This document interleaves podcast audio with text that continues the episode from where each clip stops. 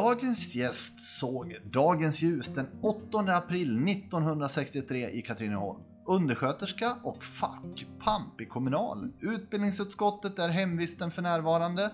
Ledamot i Riksbanksfullmäktige och kvittningsman är andra uppdrag. Tre barn, en man, politisk husmäklare i Vingåker, 1555 vänner på ansiktsboken. Varmt välkommen Caroline Helmersson Olsson. Tack ska du ha. Stämmer faktarutan? Nej, jag är inte kvar i, i Riksbanksfullmäktige längre. Inte? Varför inte då? Ja, jag vet inte. Fråga valberedningen. Ja, precis. Ja. Men eh, vi, vi börjar där, för det låter ändå som ett sånt här spännande uppdrag i dagens tider med räntepolitik hit och dit. Har man något att säga till om när man sitter med det eller är man? Jag har ju bestämt hur våra nya pengar ska- se ut. Ah, okej. Det får man bestämma. Och man får eh, eh, anställa riksbankscheferna. Annars så är det ju mycket insyn. Det är liksom svenska folket eller riksdagens insyn i banken. Ni är inte med och petar i räntebanor? Nej, nej, Vi kan utan- inte beskylla dem. Nej, alltså. nej precis. Men har det alltid varit så att polit- politiken har stått utanför Riksbanken så här liksom och bara haft lite insyn eller? Nej, det har väl, själva riksbankslagen har väl ändrat sig under, eh, under tid och det, det kan inte jag ordentligt ska jag säga det. Vi har ju Sveriges äldsta, eller världens äldsta riksbank, 350 år, så det är klart att det har ändrat sig. Ja, uppdragen och så. Och det, vi har ju fått en ny riksbankslag nu som eh, gör att fullmäktige får lite större makt än vad man har haft tidigare. Och då ville man väl toppa laget och då tänkte de väl att nu byter de ut mig. Ja precis, vi tar bort den där Ja. från Vingåker. Ja, ja. precis. Ja men underbart. Men du, du har ju fått, eller du har blivit kvittningsman. Är det det här man brukar kalla för inpiskare eller vad liksom? Of the whip. Ja. Eh, kvittningsperson föredrar Ja. jag att säga. Men eh, det har jag faktiskt varit sedan jag kom in i riksdagen 2007. Ah, okej. Så det har ju också varit ett spännande uppdrag för att det också ändrat sig mycket under Mm. tid. Eh, När jag kom in så hade vi ju block. Då kvittade ju mellan blocken. Och, och när sen Sverigedemokraterna kliver in och, in och ska vara utanför det där och så blir större och större. Så att egentligen det system vi har nu så har vi ju ett, ett procenttal. Att så många ska vara borta varenda gång Ja. inspirerat av det, hur vi jobbade under Ja, coronapandemin det. när vi var 55, när vi räknade ut valresultatet och 55 personer skulle vara på plats då. Men så det innebär alltså om någon utav oss sossar vill vara borta så då går man till dig och säger ja men jag skulle behöva göra något annat den tisdagen. Ja, vi har ett eh, system med regler, vilka, vad, vad det är man får vara borta för, så får man ansöka det eh, digitalt. Vi har ett system Ja. för det. Och så, så blir det avslag eller godkänt eller väntelista. För ibland så kan man ju behöva göra någonting som kanske inte eh, är inom de där reglerna. Och nu är det faktiskt så att eh, så många som 13 personer av oss 107 ska vara borta varenda gång vi ska rösta. Aha, så det kanske inte är något problem att få ledigt för andra saker man behöver göra eller? Nej, det är lite olika på olika veckor. Så förra eh, veckan var min vecka. Mm. Då var det ju valobservation i Turkiet. Ja just det. Ja, då hade vi ju sex sossar som skulle åka på det. Och så var det bara en moderat och en sverigedemokrat, så då blev det ju ojämnt där. Ja. Och, sen är det ju folk som blir sjuka och de ska vabba och den, ja, allt annat som händer i Mm. människors liv. Ja. Så förra veckan var det tufft att få Är, ihop är det ofta du får säga nej liksom? Det här går inte? Eh, inte så ofta. Nej. Och dessutom kom jag på i förra veckan att jag är en väldigt snäll person. Jag har väldigt svårt att säga nej för jag tänker att jag kan, man kan ju sätta sig in i folks situationer. Eh, Sonen fyller sju, tåget går. Om jag hinner med tidigare tåg så hinner jag säga grattis innan han går och lägger sig. just det, Ja. ja. det är klart att det Då blir det så här, Ja. ja, ja, Ja det är klart. Va? Men annars så är det ju liksom av politiska skäl, att det, man ska göra någonting vi- viktigare för partiet eller internationellt eller fackligt eller så. Men det finns också en, en ruta som heter personligt. Mm, ja, precis. Eh, Men då, det man kan säga egentligen så här, just nu så är du, är du egentligen en otroligt rutinerad politiker mm, när man jämför lite grann så här. Men hur började det här liksom? Var, var, var kommer ditt politiska engagemang ifrån? Jag är ju uppväxt i en politisk familj. Eh, både eh, farfar och morfar och Som var också politiker. Nej, de var inte politiker, men väldigt, väldigt politiska. Mm. Väldigt socialdemokratiska och väldigt fackliga Ja. faktiskt allihopa. Och farsan inte minst och mamma också. Va? Men ehm, eh, man ska ju inte göra som sina föräldrar. Nej, så jag tvekade ju ganska länge. Men sen när jag började jobba inom äldreomsorgen som undersköterska, Mm. då går det ju inte många, många dagar innan man kommer på den här kopplingen. Men jag, eh, samma dag jag klev in där så sa de, hörru du skriv på här, du måste gå med i facket. Och så gjorde jag det och det var den banan, den fackliga banan som jag valde då. Var i tid är vi då någonstans? Eh, 82 Mm. skulle jag säga. Och när du gick med i facket, blev du också fackligt aktiv eller var du bara medlem i början? Eller? Nej, jag varit aktiv ganska snabbt. Ja. Ja men de, Vingåker vet du väl? Ja men du, är inte du Haraldsdotter? Jo det är jag. Ja men vad bra, vill du bli skyddsombud? Ja. De tänkte att det fanns i generna och det fanns det ju, Ja, ja, visade ju sig efter ja, ett tag. Exakt, ja. Och när, när förstod du att det inte bara var den fackliga kampen? När blev du politiker? Liksom? När kände du att det var... Det, det var egentligen två händelser på jobbet. Dels det ena var att vi skulle bygga om Humlegården och skulle bygga större toaletter. För att eh, vi skulle få bättre arbetsmiljö Mm, och mm. hjälpa de gamla. Och så vände de dörrarna fel. Så vi fick gå ut i korridoren med rullstolen med halvklädda människor för att komma in på toaletten. Och sen var det en annan händelse, det var att politiken ville lägga ner köken på förskolorna för att göra ett centralkök. Mm. Och då, då jädrar, då, då var jag med. Och jag rekryterade jättemånga kommunalare på det där medlemsmötet. Så, så, så ni behöver inte säga så mycket, jag får talan. Och sen när, när de ska ta beslutet, då säger jag votering. Och så kollar ni, då säger vi nej. Ja, och det gjorde vi.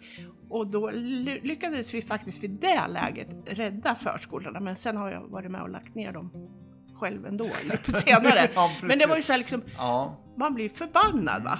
Nej nu jävlar måste jag göra någonting. ja, men det är ett jättebra exempel också på hur man faktiskt kan påverka genom att gå med i, i en arbetarkommun och sen liksom verkligen strida för sin sak. Liksom. För vi fattar ju demokratiska beslut och blir det så, då står vi för dem sen. Ja, men, ja precis. Och, och det var, var lätt då också i de här tillfällena att få med sig sina kamrater i Mm. Kommunal. Så vi var ju jättemånga kommunalare som gick med i Socialdemokraterna då. Det var väldigt intressant på det viset att man verkligen kunde påverka. Sen var det någon sån här kommunfest, kommer jag ihåg, för de hade det förr i tiden. Ja. Och då var det ju Viking Jonsson som kom och bjöd upp mig och så, så da- dansade vi och sen undrade jag, jaha sa han, och när kommer du till politiken på riktigt? Ja, ge mig ett ordförandeuppdrag, sa jag, så kommer jag. Och det fick jag ju sen som ordförande i valnämnden i Vingåker. Så jag var med och rigga val här. Ja. Ja. så det var mitt första politiska uppdrag på det sättet. Hur, hur, hur, upplevde du det då? Var det liksom så här, åh nu jäklar ska jag göra det här bra? Eller var, var det liksom, jaha, ja men det här var väl kul? Eller? Nej då, jag var väldigt taggad. Ja. Jag var väldigt taggad då, eller det är jag väl fortfarande ska jag säga. Kom in i fullmäktige sen och sådär. Men eh, ja, jag tyckte det satt en heder i också det där med valnämnden. Det där skulle jag sköta bra. Mm. Liksom. ja men faktum är att det är ju, det är förvisso inte ett jättestort uppdrag mellan valen men det är ju ett oerhört viktigt uppdrag desto närmare valdagen vi närmar oss. Ja, visst absolut. Hur, hur upplevde du din, i, även om du fick bli ordförande i valnämnden och kom med i kommunfullmäktige så här, upplevde du att du blev hörd och lyssnad på eller kände du mer så lite grann så här, ja men ursäkta uttrycket, röstboskap eh, när vi skulle fatta beslut? Nej, absolut inte röstboskap. Det skulle jag inte säga. Jag tyckte, ja, liksom, det var ju kö då i och för sig Ja, på den tiden. Stå, ställ dig i kö och vänta tills det är din tur. ja det. Ja. Konkurrens. Idag är det ju inte så, men, men på, så, på, man fick ju inte så mycket liksom mera uppdrag och makt på det sättet. Men däremot så vart jag väldigt lyssnad på. Ja. Jag hade ju hela Kommunal bakom mig. Ja, just det. Det, det är en rätt bra kraft. Ja, Ja. faktiskt. Och hur länge fortsatte du sen att vara kommunpolitiker? Ja du, det var jag väl fram till... Ja, det har ju väl varit hela tiden sedan dess Ja. egentligen. Men sen... Eh, eh, 94 var det ju. Mm så gick ju Kommunal, Kommunal hade tre avdelningar i Sörmland och gick vi ihop till, till Kommunal Sörmland. Och, och där i den avdelningen då bestämde vi att vi skulle jobba mycket fackligt politiskt. Och då kartlade vi alla kommunalare som fanns i politiken, i, i kommunerna, i regionen och i riksdagen. Och sen kartlade vi vad har vi för folk som vi skulle kunna få in och klä på, ge utbildning för att liksom kliva in i politiken så. Och det var väldigt framgångsrikt så tillvida att då, då sa jag 94, ja men jag kan tänka mig riksdagen någon gång i framtiden. Ja. Och då var jag prioriterad att åka på sådana här fackpolitiska och samhällspolitiska utbildningar och sådär. Så. Så, och, och, jag kan säga att på den där listan stod till exempel Monica Johansson och henne ja. har det ju gått bra för. Ja, ja också va? Så att, så att eh, just det där eh, som, som koncept mm. tycker jag att man skulle behöva göra så från fackligt håll idag också. Mm. Titta över det här och inte bara liksom eh, fundera över varför man inte får komma med, för det får man. Men, men på ett mer strategiskt sätt och verkligen klä på. Eh, LO-medlemmar har ju i regel ganska kort utbildning. Jag har till exempel två år på gymnasieskolan. Så jag behöver ju då eh, få lite stöd, utbildning och bildning. Ja. För att våga. Ja men precis, absolut. Och det här, du nämnde lite grann, då gick ni ihop till eh, avdelning Sörmland och idag heter det kommunal Öster som finns här. Men är det bra det här när avdelningarna blir större och större eller? Absolut inte. Jag, jag, tycker att fackföreningsrörelsen är organisatoriskt svag idag. Mm. Det är ju som jag och Jonas på LO, vi håller på med en turné nu och försöker att åka runt och träffa alla fackförbund för att göra en kartläggning av vad, vad, vad, är, vad ska vi samverka om? Hur, hur ser förutsättningarna ut för dem och så. Och då får vi ju sätta oss och åka till Västerås och Norrköping och, och sen säger man, man väl har börjat prata med dem, hur ser det ut i Vingåker, har du någon? Nej, ingen medlem. Eh, ja, Kommunal har väl medlemmar ja. nästan överallt, mm. alltså förtroendevalda, ja, för det är de man är ute efter. Mm. Nej, det jag tycker att eh, man har organiserat bort sig från det lokala, tyvärr. Faktiskt är det så. Mm. Ja, men, eh, jag tror att du har en poäng där. Vi ska återvända till din roll som politiker. Eh, du har ju varit med enormt länge nu. Du har fått eh, fatta massor med beslut. Har du något sånt här, ett beslut som du skulle kunna säga att det där gjorde jag riktigt, riktigt bra. Det här, det här är jag stolt över att ha varit med och medverkat till, för det gjorde skillnad. Absolut. Nu är jag lite nördig, men som jag har jobbat med att få tillbaka högskolebehörigheten på yrkesprogrammen på gymnasiet det, det tog åtta år mm. med list och hårt arbete och lobbying och allt ja. vad det nu var. Det är jag faktiskt stolt över. Mm. Och det tror jag verkligen kommer att kunna göra skillnad. Kanske liksom inte hur ska jag säga, det kommer att göra skillnad vid köksborden när man sitter med sina föräldrar och funderar över vad man ska gå för gymnasieutbildning. Då hoppas jag att föräldrar hädanefter inte säger, man gå Sam, du kan ju bli vad du vill sen. Mm, Utan gå en yrkesutbildning, du kan bli vad du vill sen, men du har i alla fall ett jobb direkt efter gymnasiet, för så ser det ju nästan ut idag. Ja, precis, precis. Så det är nog det som jag är mest stolt ja, Och det är ett ganska nyligen fattat beslut, eller hur? Ja, det var i slutet på förra mandatperioden mm. har det mm. Åtta år bara. Det är ja, ingenting. Ja. Liksom. Nej. Det där var ju den där Björklund som, som delade upp gymnasieskolan på ett så ja. sätt. Det här är men sen det har jag ju varit med om många beslut. Ja. Mitt allra första beslut var ålfiskekvoter och det har jag fortfarande ingen aning om. Så man får vara, ja. ha med om det också. Ja, men precis. Eh, om vi då förflyttar oss till den andra änden av linan, liksom, vilket beslut är det som du har tyckt varit jobbigast att fatta eller mest obekväm eller och insett att det här är inte det bästa men jag måste ändå göra det liksom? Ja, det är, vi har ju haft en del tuffa beslut eh, helt nyligen. NATO till exempel. Ja. Och innan man liksom kommer fram till oh, det här är det bästa vi kan göra just nu. Det, det, är en process.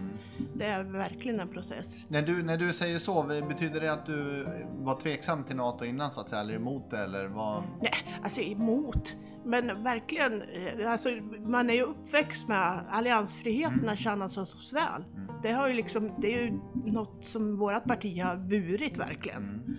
under alla år som jag har varit med. Så det, det var ju, det, var, det tycker jag var lite tufft. Mm. Sen har man ju varit med om tuffa beslut men man har röstat nej. Men det här röstar man ju ja till Ja. så att säga. Det är väl då det blir tufft. Mm. Ja men absolut. Eh, och när man har ju...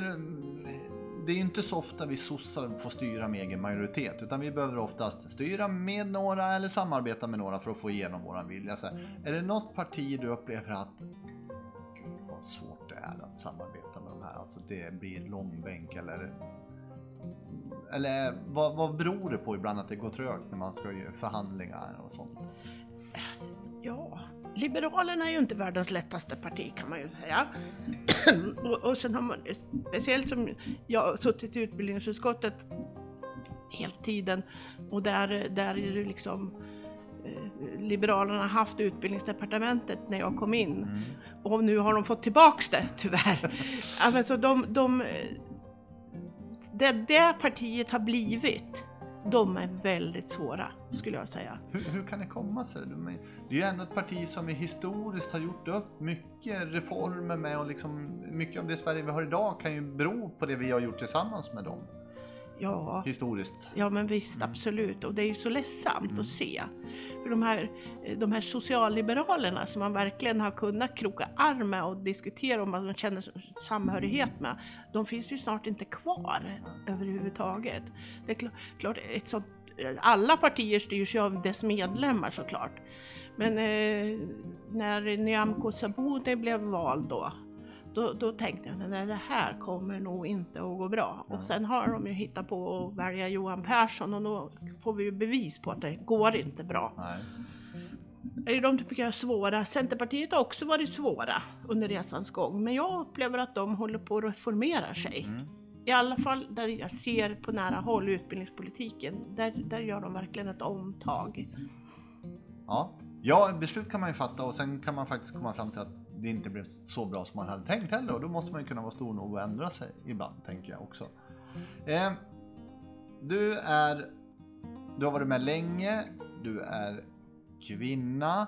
Är det så att du har upplevt att eh, det har varit hot, hat eller har du känt dig motarbetad rent allmänt eller i särskilda frågor så här? Nej, jag känner mig inte... Ju- I omgångar är det ju eh, verkligen, men då, inte jag som person, det var bara en gång eh, jag som person, men man var en sjuk människa. Så eh, det har inte varit några särskilda frågor eller någonting sånt, eller för att jag är kvinna, utan mer i det där allmänna hot och hatkulturen som har blivit på nätet och på, på mejlen och sådär. Det är mycket lättare för folk att sitta hemma och hata och skicka iväg något. Men jag har inget specifikt sådär som jag kan trycka på eller Nej. berätta om. Nej, nej. Är det så att du liksom, eh, för, även om du inte har råkat ut för det, är det så att det hade funnits någon slags gräns för eh, vad, vad man står ut med liksom? eh, Och, jag menar om det börjar gå ut för familjen eller något sånt där, liksom, då är det inte värt det längre liksom. Eller har du funderat någonting över det? Jo men det har jag ju. I och med att jag är som sagt var kvittningsperson Mm. så kommer jag ju ganska nära människor som med svårigheter. Det blir ju så. Mm. Eh, och sen är jag väldigt intresserad av människor, tycker om människor. Så att jag har ju sett det på nära håll och ibland kan man ju verkligen fundera över om det är värt det. Den här eh, personen som eh, Stalka, heter det så? Ja, ja. precis. Ja. Eh, Han, han kom ju till slut hem Ja. och ringde på dörren och då var det inte kul. Nej, Men, men han blev förflyttad sen alltså, så då, jag vände mig till eh, avdelningen där på riksdagen och så, så de, Mm. han fick inte ta kontakt med mig sen. Nej. Men det är liksom det närmaste jag har känt att det här, nu går gränsen va. Mm. Men eh, det är, det är tufft. Ja. Det är tufft. Politikerförakt. ja, men så är det. Ja. Och det blir kanske värre och värre med åren. Jag vet inte. Hur, vad är din upplevelse? Jag tycker värre, nog eller? att det blir värre. Jag tycker det blir värre. Det märker man ju ibland när man knackar dörr också. Mm. När, när dörren öppnas av någon och man ser hatet i ögonen. Förr var ju i alla fall folk artiga. Det tycker man inte riktigt att man behöver vara idag. Nej. Man får bete sig hur som helst. Ja, lite så är det. Är det här din sista period i riksdagen? Ja, det tror jag faktiskt.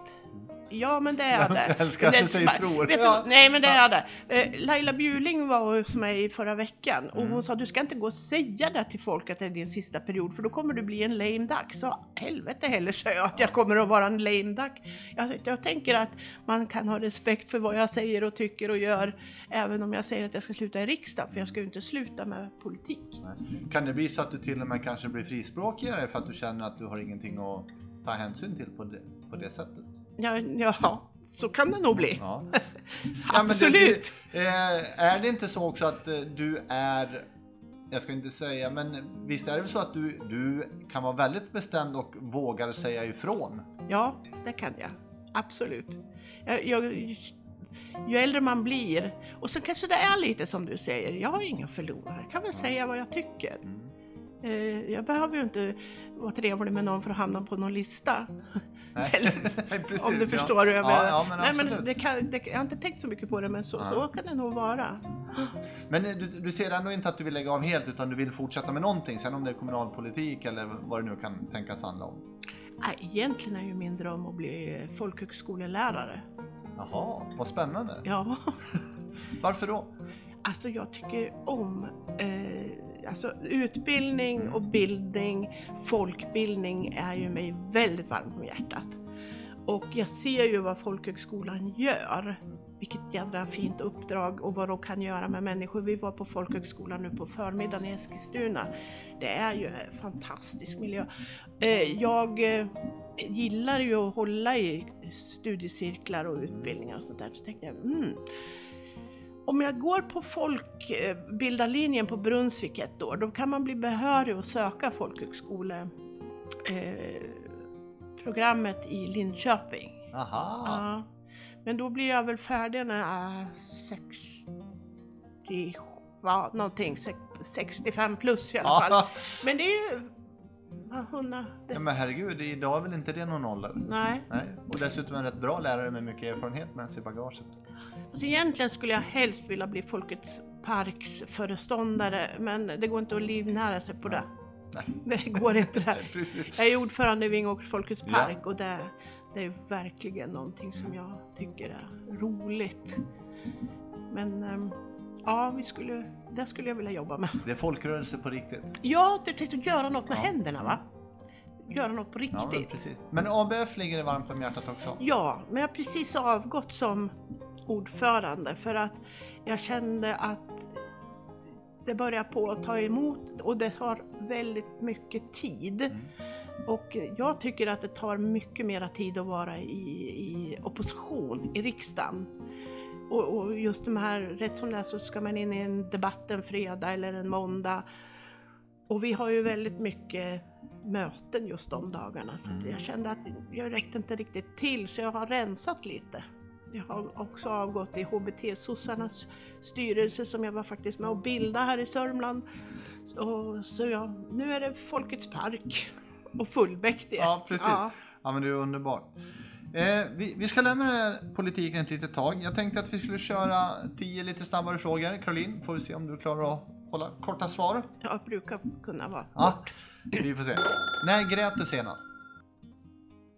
Åh, när gjorde jag det? Nu måste jag tänka. Jag grät nog en liten skvätt i lördags när Loreen vann. Underbart. Var åker du helst på semester? Medelhavet. Vilket är det godaste vin du har druckit? Eh, Tamarall. En sak du vill göra innan du dör? Och jag har nästan gjort allt. För jag hade ju cancer för tio år sedan och då gjorde jag en sån här bucket list. Och, och jag har nog gjort allt på den listan faktiskt. Smultronställe i Vingåker? Och det finns så många. Vingåkers Folkets Park. Det är det absolut finaste vi har. Och därefter kommer ju Sävstaholms slott.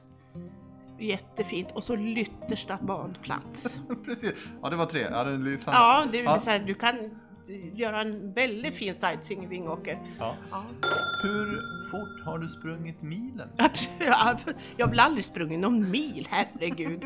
Varför skulle jag göra det? Nej, så här. Vilket är ditt favoritbarn? Favoritbarn? Mm. Det kan man, får man väl inte säga i en podd heller. Nej. Nej. Favoritlag då? Lag? Ja. Det har ju varit Tottenham.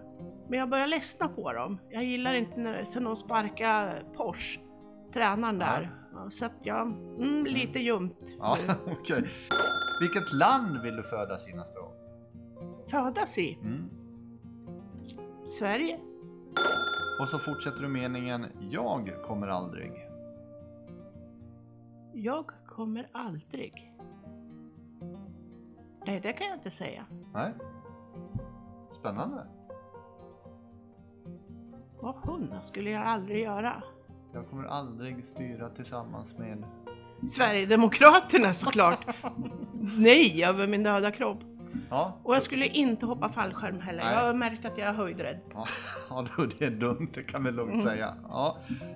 Det gick ju bra med de här tio snabba ändå. Ja, Ja, ja. hyfsat korta svar. Det var när du skulle peka ut smultronställe i Vingåker, då ja drog du då, då drog jag iväg. Ja. Men det, jag skulle kunna prata om Vingåker väldigt länge. Ja, jag förstår det. Och vi ska göra det. Men du, jag tänkte att, precis som du nämnde också, du var ju väldigt sjuk Ja, för tio år sedan. Vad tänker man då när man är så illa däran så att säga? eh, först tänkte jag, jag, jag har ju inte egentligen börjat tänka på det förrän nu. Ah, okej. Eh, men först tänkte jag så här, nej det här kan jag inte berätta för, för, för, för någon. Mamma och min man och de, de kommer ju bli jätteoroliga. Eh, Så, så jag skulle skydda dem på något vis. Ja. Och sen efter det tänkte jag, jag ska inte vara någon patient, jag är jag. Och jag strugar ju på med den där behandlingen och så och jobbar ju däremellan hela tiden. Och det, det har jag också tänkt på i efterhand, eh, att jag inte var riktigt klok i huvudet. Men, men, eh, men sen, eh, jag ska inte dö.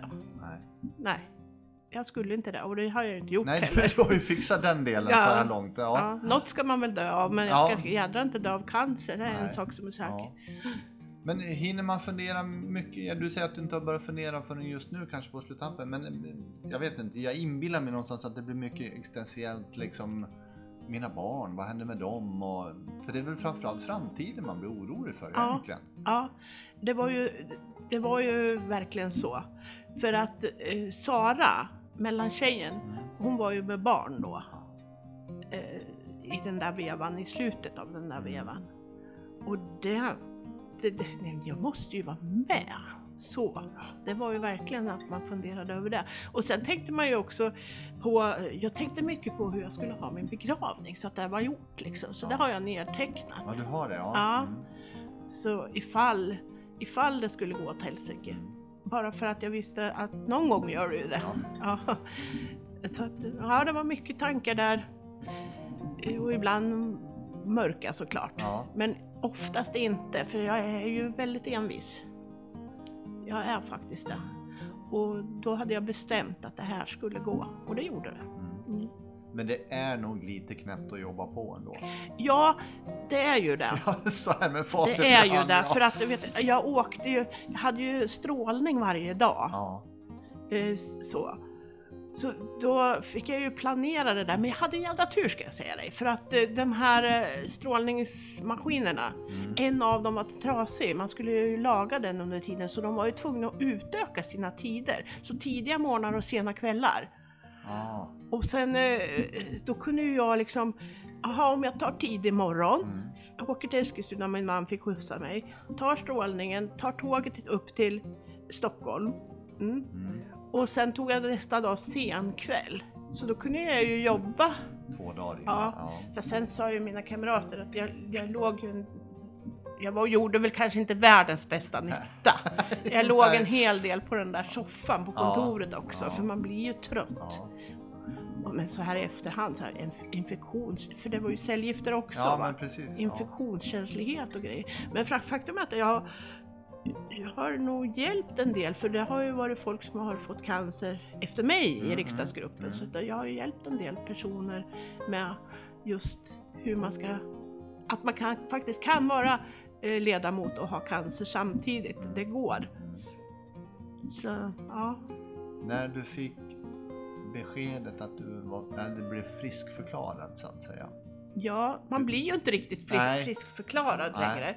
Men eh, redan på sjukhuset när de skulle skriva ut mig efter den här jätteoperationen som var då. Mm. Då sa, då sa han, kirurgen, "Nej, vi fick bort allt. Ja. Det är borta. Och sen, eh, eh, en- den typen av cancer väx- växer väldigt eh, sakta. Men så fick man ju gå, var det fem år efteråt eller var det tre år efteråt som man fick hela tiden gå på undersökningar? Och jag går ju fortfarande på undersökningar var femte år. ja, just det. Så, så, men jag tänkte att jag var frisk när jag åkte från sjukhuset när jag var opererad. Vilken känsla. Ja, Ja, ja. ja fantastiskt. eh, och då kommer vi in på framtiden lite grann Caroline. Var, du pratade ju lite grann om det tidigare, eventuellt folkhögskola och lärare och så. Men var, ser du dig själv om, om tio år så att säga? Var, var är du? Finns du kvar någonstans i partiet?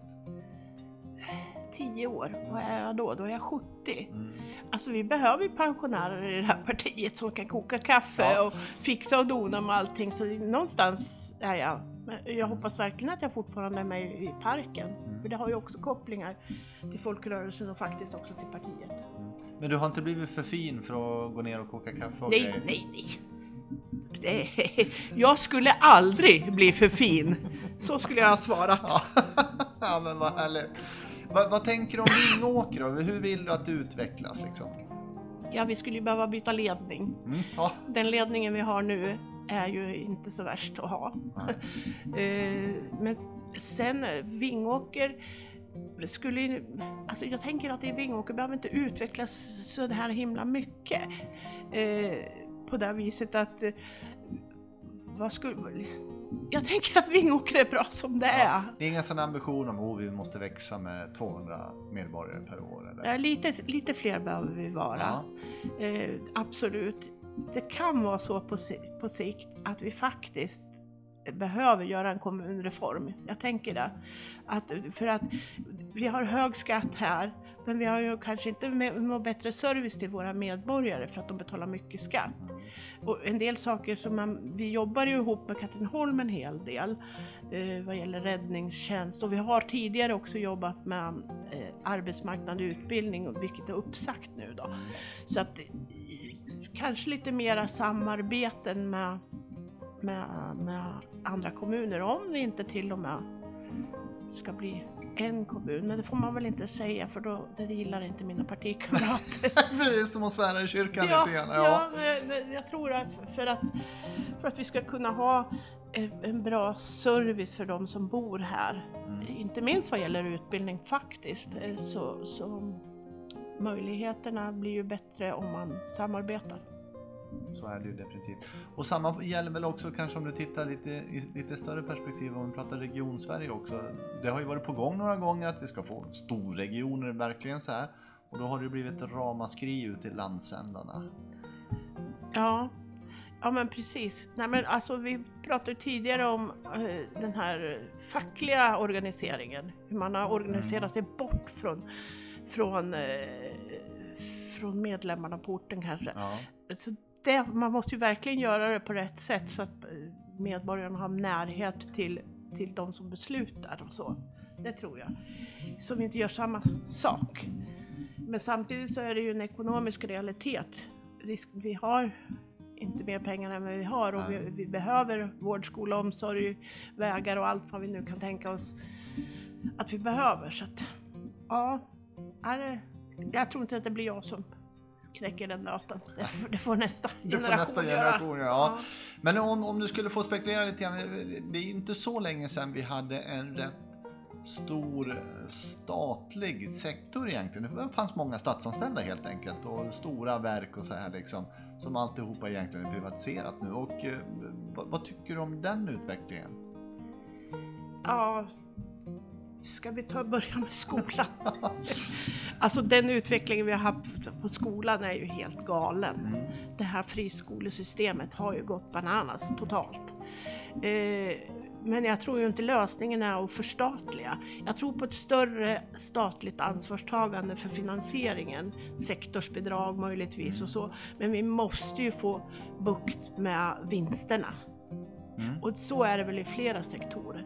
Men just det där, om man ser när staten, ja, vi kan ju prata Arbetsförmedlingen Mm. till exempel, Till exempel.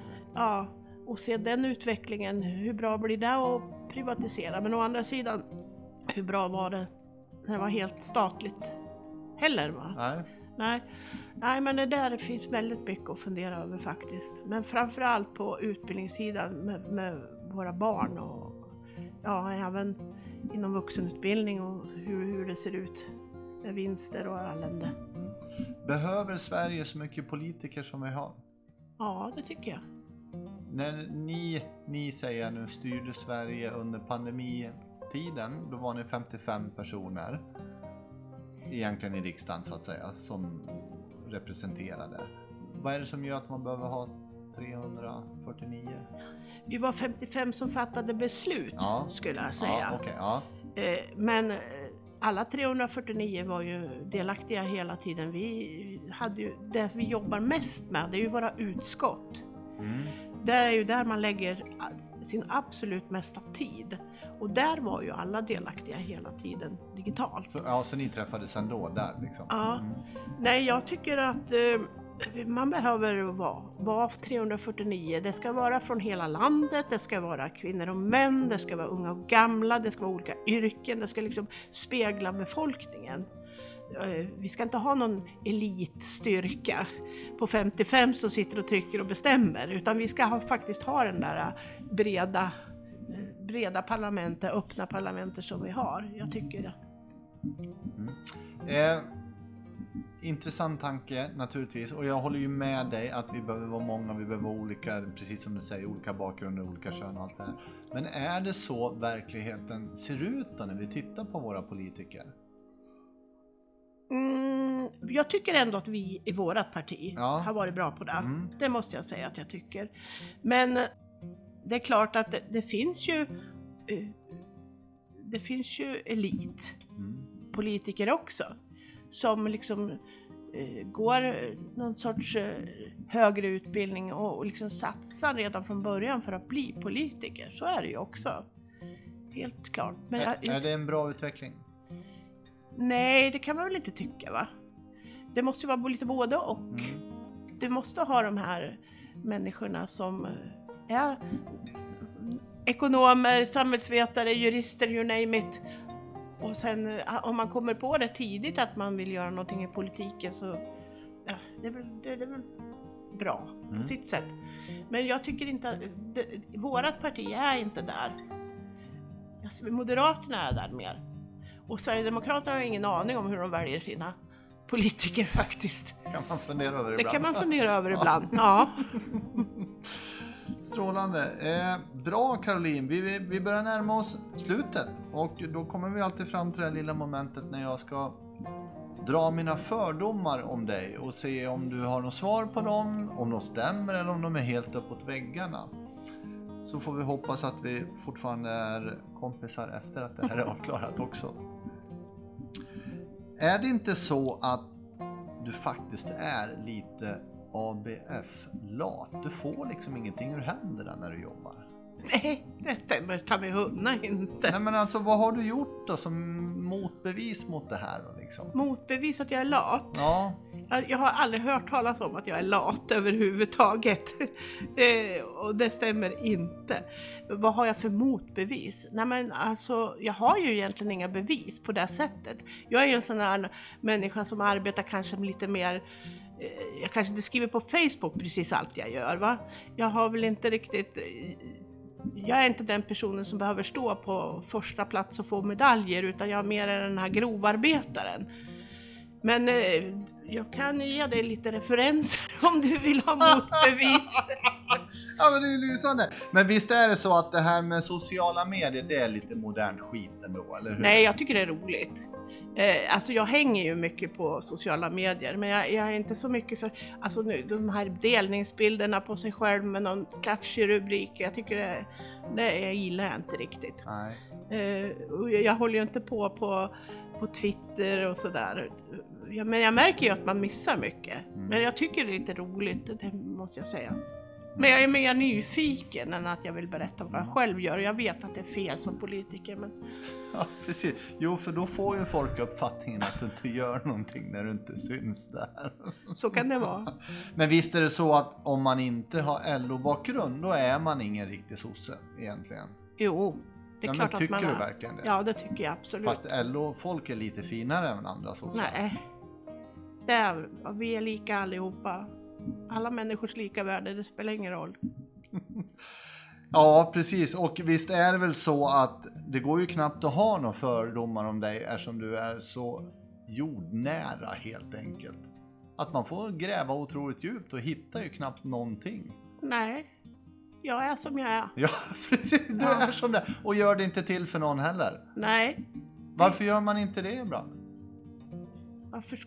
Nej, det vet jag inte varför man skulle göra. Nej, inte jag heller. Jag frågar bara. Nej, Ja, av ren nyfikenhet. Nej jag tycker att eh, om, man är, om man inte är som man är, då måste man ju hålla reda hela tiden på hur man i så fall ska vara. Ja, Du, liksom, det, där är jag väl kanske lite lat då. då. ja precis. Ja, men exakt. Man, annars måste man ju hålla reda på hela ja, tiden. precis. Ja, ja. ja men exakt. Nej, det tycker jag.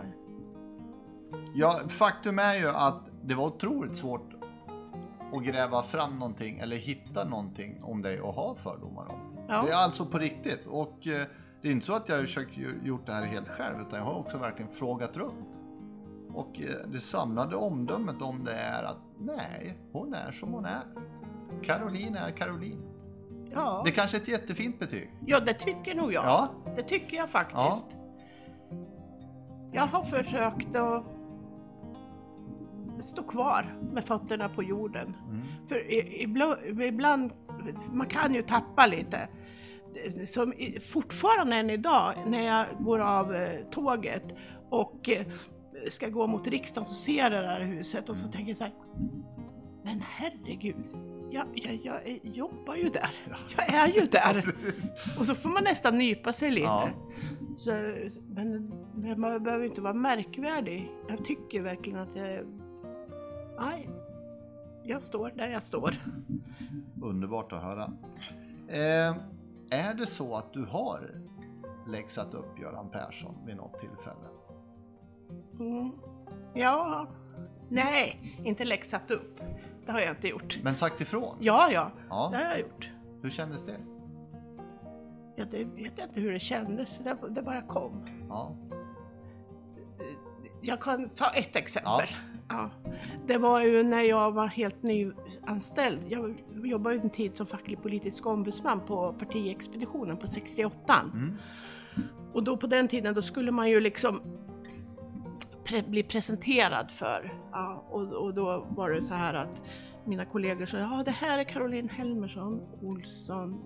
Det vet jag väl, sa. Ja, det är ju Haralds dotter. Så var det inte mer med det, det var inte så märkvärdigt. Och sen eh, när vi skulle gå och ta mat, då, då så petade han mig i magen.